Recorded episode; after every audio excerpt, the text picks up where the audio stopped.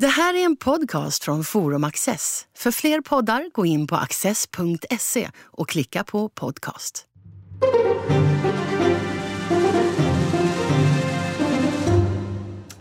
Välkomna till Studio Access.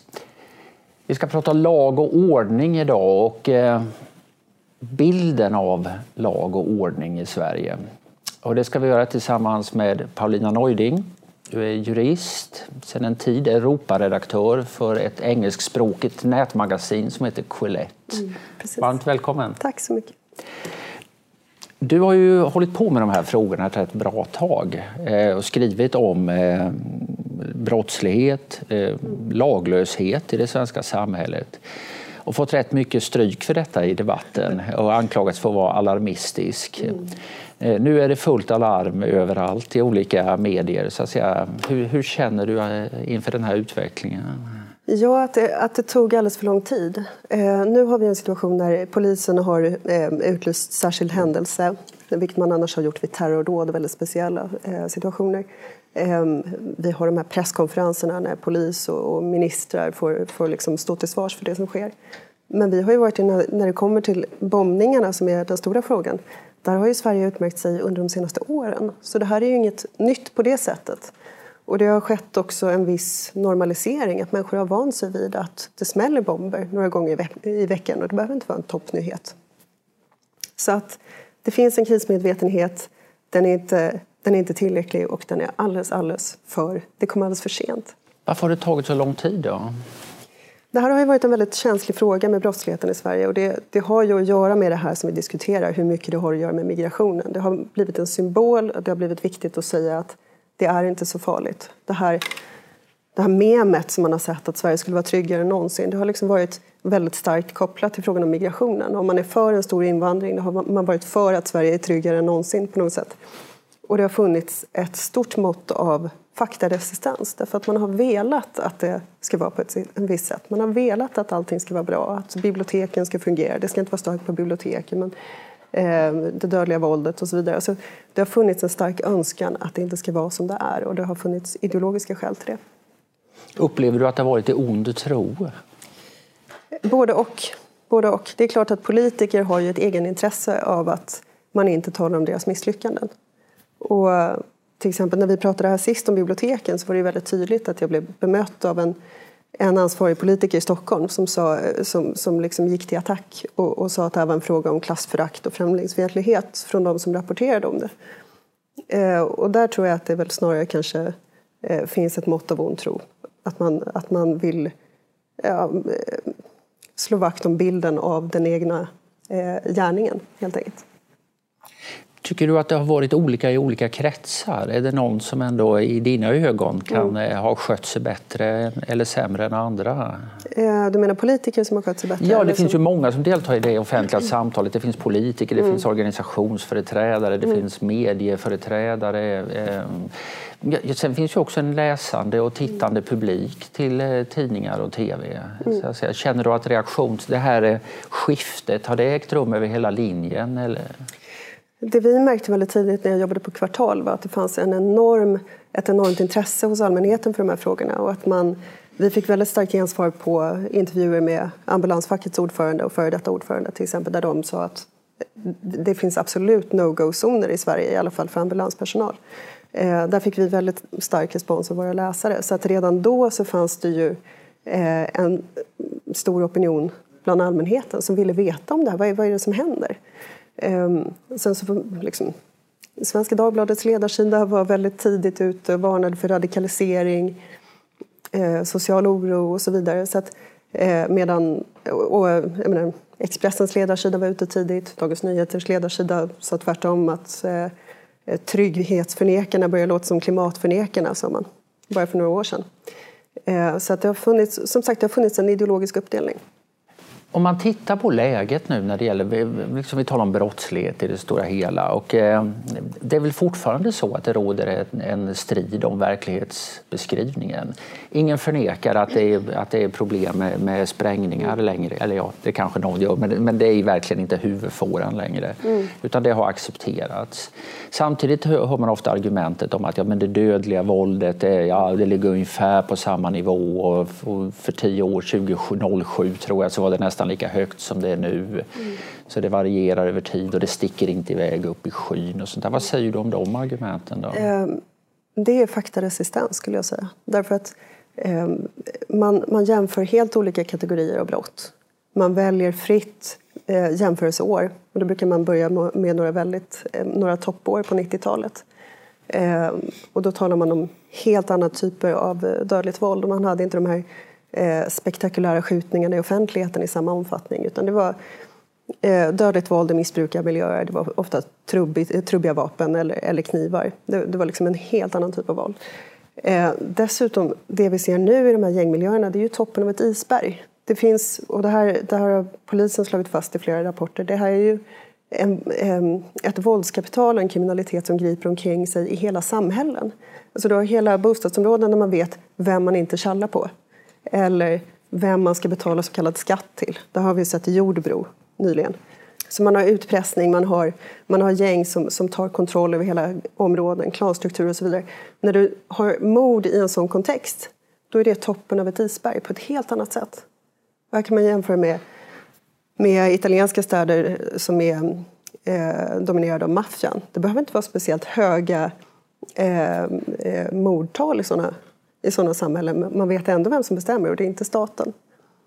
Eh, och sen så finns det ju då, bortsett från de här spektakulära skjutningarna som har, som har tilltagit väldigt kraftigt sedan 90-talet, så är det alltså dödsskjutningarna i, i gängmiljö, eh, så har vi de här bomberna. Och jag menar, om du vaknar en natt så som Malmöfamiljer gör av att det, det sprängs en bomb och dina barn vaknar, eh, då är inte ni brottsoffer i lagens mening. Mm. Men jag tror att man känner sig rätt otrygg. Och man känner rätt mycket att, att man påverkas av eh, en typ av våld som, som liksom står för det är en helt, helt ny verklighet. Skulle man därmed kunna säga att det egentligen på ett sätt inte är skjutningarna som är det värsta här? Skjutningarna är ju illa också. Alltså, 1900, på, I början av 90-talet hade vi ungefär fyra eh, dödsskjutningar per år i gängmiljö. Sen har det liksom eh, tiofaldigats eh, de senaste tre decennierna och det, det har gått smygande. Eh, så att det här är en jättestor förändring. Mm. Eh, de sker allt mer i offentlig miljö. Man struntar i, i människor runt omkring. Det kan vara liksom ett tåg med dagisbarn, det kan vara eh, drive-by-skjutningar. Så det är väldigt spektakulärt och helt utan respekt för människor runt omkring. Mm. Så att, jag skulle inte säga att det inte är ett problem, men det är, man måste också förstå att det finns, en hel, liksom, det finns ett helt berg av brottslighet under de här skjutningarna. Jag räknar inte ut det här rätt i huvudet med, omedelbart, men om man tänker i termer av toppen på, eller isberget som det synliga ovanför ytan, då har det växt eh, från 4 till 45 som du säger med, med de här gängskjutningarna. Exakt. Men då har förmodligen också ett enormt isberg växt till eh, under ytan. Exakt som liksom kan hålla hela stadsdelar under kontroll. Mm. Är den verklighetsbeskrivningen accepterad? Det tror jag att den är och, där, och det tror jag, tar, tror jag har att göra med att polisen har gått ut med det så tydligt att de här eh, eh, utsatta områdena och särskilt utsatta områdena, det här är ju en del av kriterierna för att det ska klassas som ett sådant område. Att, att eh, det finns kriminella strukturer som, som fungerar som en alternativ eh, ja, ett alternativt våldsmonopol egentligen i förhållande till staten. Jag menar, Wilhelm Agrell till exempel, mm. professor vid Lunds universitet som är ju, väl inte har gjort sig känd för att vara någon som tar till väldiga överord i onödan. Han talar ju om hur att staten har förlorat sitt vålds... Först har man sett våldsmonopolet krackelera och nu förfogar man inte ens över det. Eh, vi såg ett fall här i en, i en förort i Stockholm med två frisörer som blev eh, eh, hotade med att de skulle betala så kallad skatt. Jag menar om du såg... Men det var det här fallet i Jordbro Precis, och det ser man på övervakningskameran hur någon som kommer in och säger att ni ska betala skatt och de säger nej, de går till polisen. Sen kommer kommunstyrelsens ordförande till frisersalongen och när hon är där för att visa sitt stöd så kommer det här gänget tillbaka och säger att ni ska betala skatt. Till slut så säger polisen ni får flytta från Jordbro för vi klarar inte av det här. Så när Stefan Löfven sitter i Agenda och säger att staten är alltid starkare än gängen så rent empiriskt i det här fallet så var ju staten inte starkare utan staten var svagare och sa till de här två brottsoffren ni får flytta härifrån. Och sen kan man fråga sig liksom, hur många näringsverksamheter finns det i Jordbro centrum? Hur många, hur många människor har inte gått till polisen? För varför skulle man göra det? Varför skulle man göra det om det bara förstör ens liv? Så att i det läget hävda att brottsligheten går ner och, och liksom att att relativisera det här, det är, det, det är liksom omoraliskt. Det, det, är inte, det kan inte vara rätt att göra på det sättet. Men om problemet har den magnitud som du beskriver nu, eh, då ter ju sig fortfarande de åtgärder som sätts in som rätt eh, halvhjärtade. Visst är det så. Allt det här har ju att göra med att dels har man förlitat sig väldigt länge på, på en liten, ganska extrem grupp svenska kriminologer. Eh, och eh, och då, då, har fokus varit just att man ska förklara om, eh, med, med sociala faktorer, det är sociala insatser, det är fritidsgårdar. Det spelar ingen roll att fritidsgårdarna är liksom centrum för grov brottslighet. Det är ändå fritidsgårdar som är svaret. Så att eh, jag ifrågasätter inte alls att man behöver sociala åtgärder. Det, självklart behöver man det, det förstår ju varje människa. Men att eh, fokusera för mycket på det och för lite på eh, ren repression, det, det kommer att leda fel när, när situationen har eskalerat så mycket. Hur mycket tänker du i termer av åtgärder? För jag menar, när du, det, du, eh, det du skriver om, eh, om man tittar i, i artiklar du har publicerat och sånt här, det, det handlar väldigt mycket om verklighetsbeskrivningen. Mm. Eh, och på ett sätt är det ju inte konstigt. Det är ju en klassisk journalistisk mm. uppgift att berätta hur det ligger till. så att säga. Och, ja, samtidigt så verkar du liksom i en opinionsjournalistisk miljö där man också förväntas tala om hur saker och ting ska mm. ställas till rätta. Hur mycket funderar du kring det där? Precis, det är en kritik som jag fått och jag tror inte att det är mitt jobb heller. Det, det jag kan göra som journalist är eh, jag har kunnat göra en insats genom att beskriva läget och visa på problemen. Att intervjua ordförande för ambulansfacket och, och liksom, eh, fråga honom om det finns no-go-zoner och få svaret att ja, det finns det för ambulanspersonal. Eh, där har jag kunnat göra en insats, men jag är inte säker på att jag är expert på, på åtgärder. Eller, ja, det, det, är ingenting som jag omedelbart har kunnat bidra med. Men det kan inte vara ett skäl att inte rapportera om problemen och inte peka ut problemen. Jag har ibland slagits av det här att när man diskuterar ekonomi i Sverige, som ju har varit den stora frågan, ekonomi och arbetsmarknad och sånt här, så finns det liksom en oändlig mängd personer som är beredda att träda fram och tala om exakt hur problemen ska lösas, om räntan ska höjas eller sänkas eller skatten höjas eller sänkas. Det är bankekonomer och akademiska ekonomer och, eh, och forskningsinstitut och statliga myndigheter och så vidare i en lång, lång rad.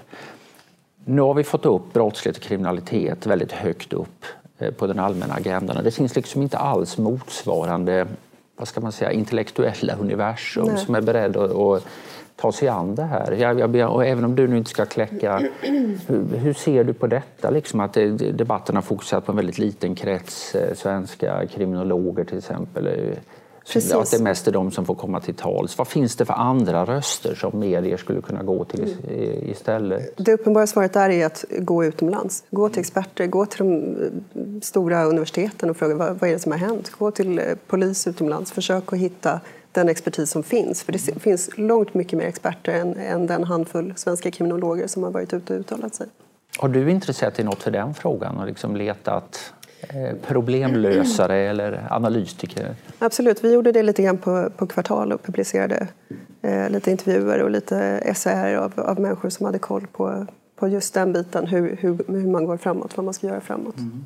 Finns det några exempel som inger hopp? Mm. Mer än New York? Precis, nej, jag, skulle, jag skulle just säga New York. Ja. Nej, men det är klart att New York är, är den främsta modellen för, för um, hur man kan ta en stad med väldigt stora problem och, och vända trenden. Ja, du har skrivit mycket om eh, i, i de här frågorna, mm. eh, naturligtvis i svenska medier, men du har också liksom skrivit, satsat på att vara närvarande i, i internationell press. Mm.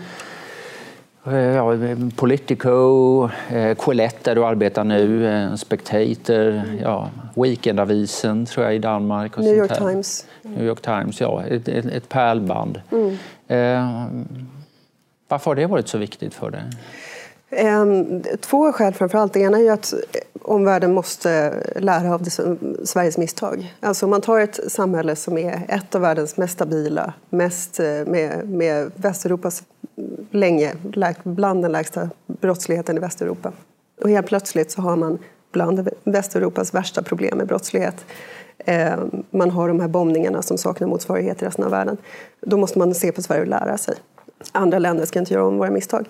Ehm, men, men sen så tror jag att det ger oss viss markkontakt också. Därför att när, när människor, när jag pratar med redaktörer utomlands, när jag pratar med läsare utomlands som har läst vad jag skriver, de blir chockerade. Alltså det, man, man tittar på Sverige med absolut förfäran. Och det tror jag att vi måste, måste se och, och spegla oss i det här och fundera över normaliseringen. Att Svenska institutet brukar säga att Sverigebilden kännetecknas av det gamla vanliga positiva, att det inte har hänt så värst mycket. Eh, det, jag vet inte hur de mäter det, men det är inte den bild jag har. Eh, och man kan ta då som exempel, jag skrev i Spectator efter att det hade varit tre bombningar en och samma natt i Stockholmsområdet. Och det här nämndes inte i Aktuellts nationella nyheter utan man, eh, man hade det i lokalnyheterna. Och det här uppfattade flera journalister i, i Storbritannien och väldigt många läsare som fullständigt chockerande hur man kan vänja sig så vid vid den här typen av händelser. Och du och jag pratade precis innan, eh, innan när jag kom in här om att eh, idag när vi spelar in så har det skett två bombningar i Stockholmsområdet och du kände inte till dem. Nej, och jag hade råkat se det på ja. någons, i någons Twitter och sen kollat. Så att eh, det finns ett stort mått av normalisering och eh, vi behöver utlandet för att liksom behålla markkontakten. Vad möter det för reaktioner i Sverige? Ja, det har ju funnits en, en omfattande diskussion i Sverige om det här med, med Sverigebilden. Eh, regeringen har ju till och med gått ut i en, i en PR-kampanj genom sweden.se för att eh, spela ner brottsligheten i Sverige. Man gick ut i en kampanj där man, på Twitter bland annat där man skrev att Tror du att det finns no-go zones i Sverige? Nej, vi har go-go zones. Det finns en, en sajt på regeringens hemsida som heter eh, någonting, the, the, Truth about Crime and Immigration in Sweden. Eh, där man också påstår sig eh, ta myter om Sverige, invandring och brottslighet och, eh, och visa vad som egentligen är sant. Men det, det är också gjort på ett väldigt bedrägligt sätt. Ja, allmänt, eh, halleluja är kanske inte bra, men att regeringen berättar hur det verkligen ligger till i Sverige, det är väl för sig inget, eh, inget fel på. Så, eh, men eh, talar de osanning på den här sajten? Ja, man kan ju börja med, med frågan om no-go-zoner som eh, regeringen bara avfärdar som en myt. Och jag menar, där finns det ju eh, det finns eh, områden där eh, eh räddningstjänst, ambulanspersonal eh, behöver poliseskort Eh, ska man kalla det en no-go-zon? Ja, men det kanske inte är en fråga om myt eller sanning utan det är en fråga om, som, som är liksom öppen för diskussion. På den här regeringssajten, problemet är att man gör precis samma sak som, som Erik Ullenhag gjorde på sin tid som eh, integrationsminister, nämligen att man, man tar en sida och tar påståenden eh, som man avfärdar som myter. Och det ena man gör där som är bedrägligt är att man tar olika handgubbar och säger att det påstås att Sverige är i kaos. Fact, Sverige är inte i kaos. Så det är bedrägligt på det sättet. Eh, men sen har det också förekommit rena osanningar. Alltså lång tid efter terrorattentatet på Drottninggatan så påstod den här sajten att det inte hade skett ett islamistiskt terrorattentat där. Och sen så har man, har man korrigerat i efterhand utan att skriva ut datum, utan att visa att det är redigerat. Så att, det är väldigt, väldigt tvivelaktigt att göra på det här sättet. Och problemet är att borgerligheten gjorde, alliansen gjorde samma sak med sin sajt, sin så kallade mytsajt. Så det finns en, en, eh, en praxis av att göra på det sättet och oppositionen har, har inte liksom, eh, och det du har skrivit det väcker då eh, så att säga, ja, förvåning och bestörtning eh, utomlands. Har det också lett till en eh, en annorlunda Sverigebevakning i internationella medier? Jag såg faktiskt efter min artikel i Spectator så såg jag att BBC eh, skrev en längre artikel om bombningarna. med, med referenser till debatten om min artikel. Så jag, hoppas, jag hoppas verkligen att jag har, jag har bidragit till att man börjar rapportera om det här. Tror du också att detta kan bli, eller till och med kanske en rent av en baktanke här, att det, att det här kan sätta ökad press på svenska makthavare att faktiskt ta itu med problemen? Jag tror att det är väldigt bra för svenska makthavare att känna att man har inte bara eh, den svenska opinionens ögon på sig utan också omvärldens. Alltså, och egentligen, när Sverige har över hundra bomber på ett år då ska inte det vara ett föremål för op-eds egentligen, alltså för ledarartiklar eller debattartiklar, utan det ska vara föremål för normal nyhetsbevakning. Det finns ju en speciell nyfikenhet på Sverige och liksom Sverige har ju dels eh, Dels utmålats som ett eh, paradis, lite mm. okritiskt, eh, i, eh, inte minst i England och, och, USA, Tyskland. På andra håll så har liksom länge bilden varit Sverige som något socialistiskt och depraverat eh, Mordor. Eh, får du kompisar i den här diskussionen som du helst inte skulle vilja ha? Ytterst, ytterst lite, ska jag säga. Och, när man skriver om just det här så har folk förvånansvärt bra koll. Alltså man vet inte, de flesta tänker liksom inte på Sverige det första de gör när de vaknar och det sista när de somnar, liksom, så som vi gärna vill, vill föreställa oss. Men man förstår att om ett skandinaviskt välfärdsland har den här typen av problem, då har det hänt något väldigt allvarligt. Alltså, Sverige har ju gått från att ha, återigen, bland Västeuropas lägsta brottslighet, våldsbrottslighet till att ha bland högst i Europa när det kommer till gängskjutningar till exempel, om inte högst i Västeuropa. Eh, och så mycket förstår de flesta att det, det, har hänt någonting här som inte är bra och, och vill veta mer. Hur mycket har du funderat kring de eh, långsiktiga orsakerna Alltså du, eh, när du började skriva om detta, jag vet inte exakt hur länge sedan det är, men eh, ja, då, då iakttog du ett fenomen och beskrev det. Men varför händer detta just i Sverige? Jag tror att det är en kombination av faktorer. En sak är ju förstås, det, det går absolut inte att bortse från migrationen. Alltså vi har haft mer migration än vad vi har kunnat hantera och integrera. Och vi har fått de här växande utanförskapsområden. Och det här parat med att Sverige har ett väldigt svagt immunförsvar. Återigen, när vi pratade här sist så pratade vi om biblioteken. Mm. Och det man gör när det kommer in gäng och stör på biblioteken är att man stänger. Det, det finns liksom ingen motståndskraft. det polisen gör med de här två frisörerna i Jordbro är att man säger flytta från Jordbro. Ehm, och det här är en speciell svaghet i det svenska samhället. Att vi har en sån vana vid det här laget av ett välfungerande samhälle låg brottslighet och så vidare. Så när vi får den här typen av social oro, den här typen av problem, då, då stänger systemet liksom ofta ner. Vi vet inte vad vi ska göra, vi vet inte hur vi ska bemöta det. Det är ett högtillitssamhälle mm. Som inte är van vid att behöva hantera en viss sorts konflikter. Exakt. Ungdomsbrott är att mm. Eh, killar stjäl mopeder. Mm. Inte att om det finns narkotikamulor i 14-årsåldern som får bära droger åt sina äldre gängmedlemmar Exakt. och sånt där. Men detta kan inte vara någon nyhet. Absolut inte för polis och socialarbetare och knappast heller för mm. Politiker. Vad, är det som gör att det... Ja, jag har varit inne på det tidigare. Nej, men det, jag, jag, liksom, jag, tycker frågan är där hela tiden. Varför ja, men jag håller med. Och jag, jag tror att en, en, en viktig, väldigt viktig faktor är det har varit ett väldigt högt socialt pris förknippat med att prata om de här sakerna. Alltså, jag pratar hela tiden med folk som säger nämn inte mitt namn, jag vågar inte ställa upp, eh, säg inte att jag sa det här.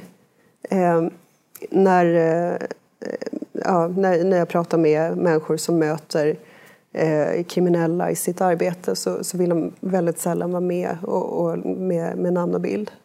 Eh, inte bara för att man är rädd för hot från kriminella utan för att man är rädd för vad arbetskamraterna ska säga. Eller de andra föräldrarna i barnens skolklass, vad de ska tycka. Eh, är han eller hon rasist nu?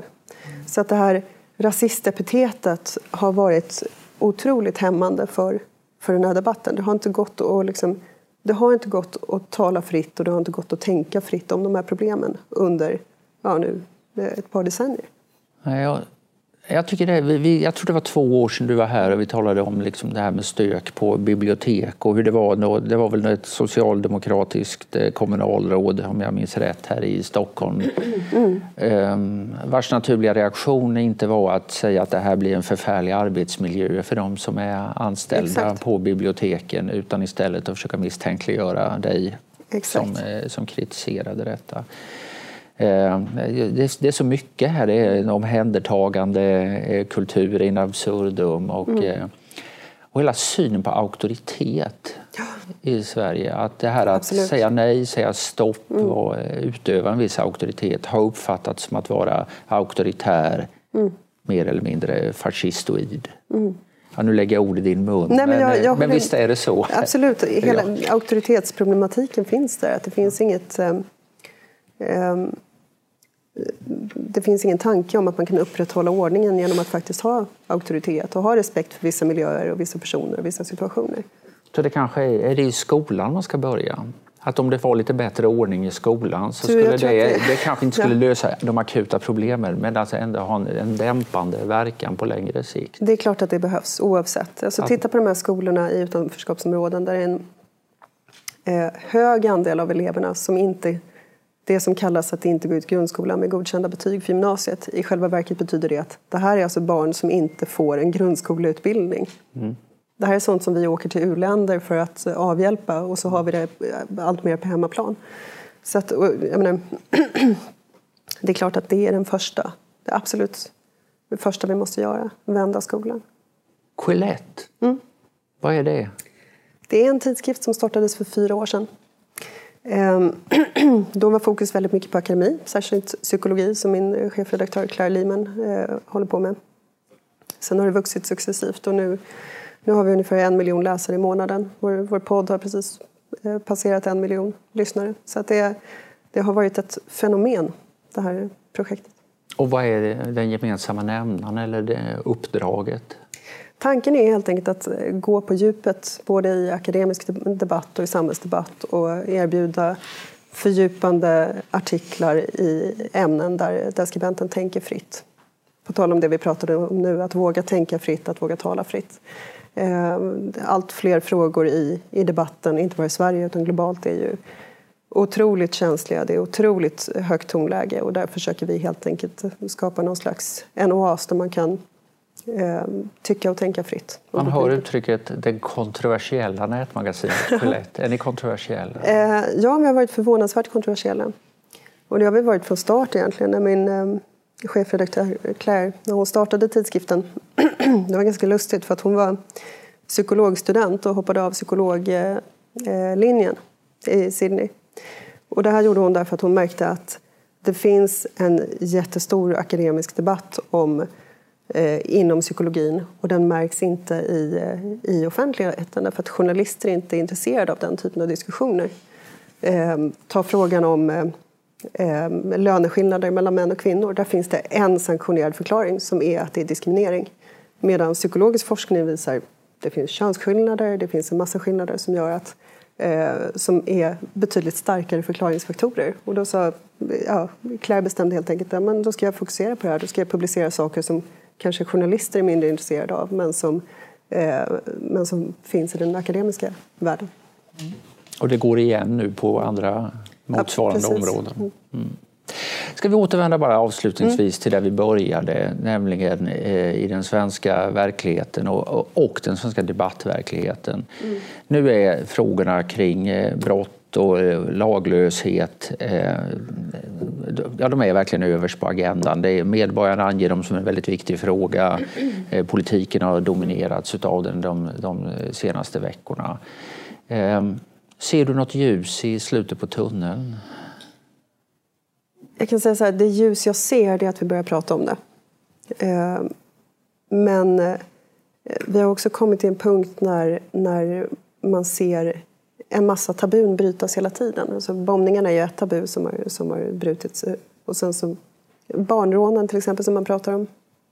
Ehm, det här otäcka, fruktansvärda eh, mordet i Malmö, den här kvinnan, mamman.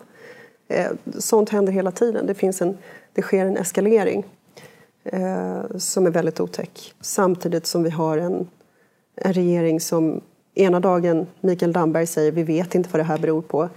Nästa dag sitter Stefan Löfven i Agenda och säger vi vet vad det beror på och det är inte invandringen, det har ingenting med migrationen att göra. Ehm, gemensamt för svaren är att man liksom famlar i blindo och säger vi såg inte detta komma.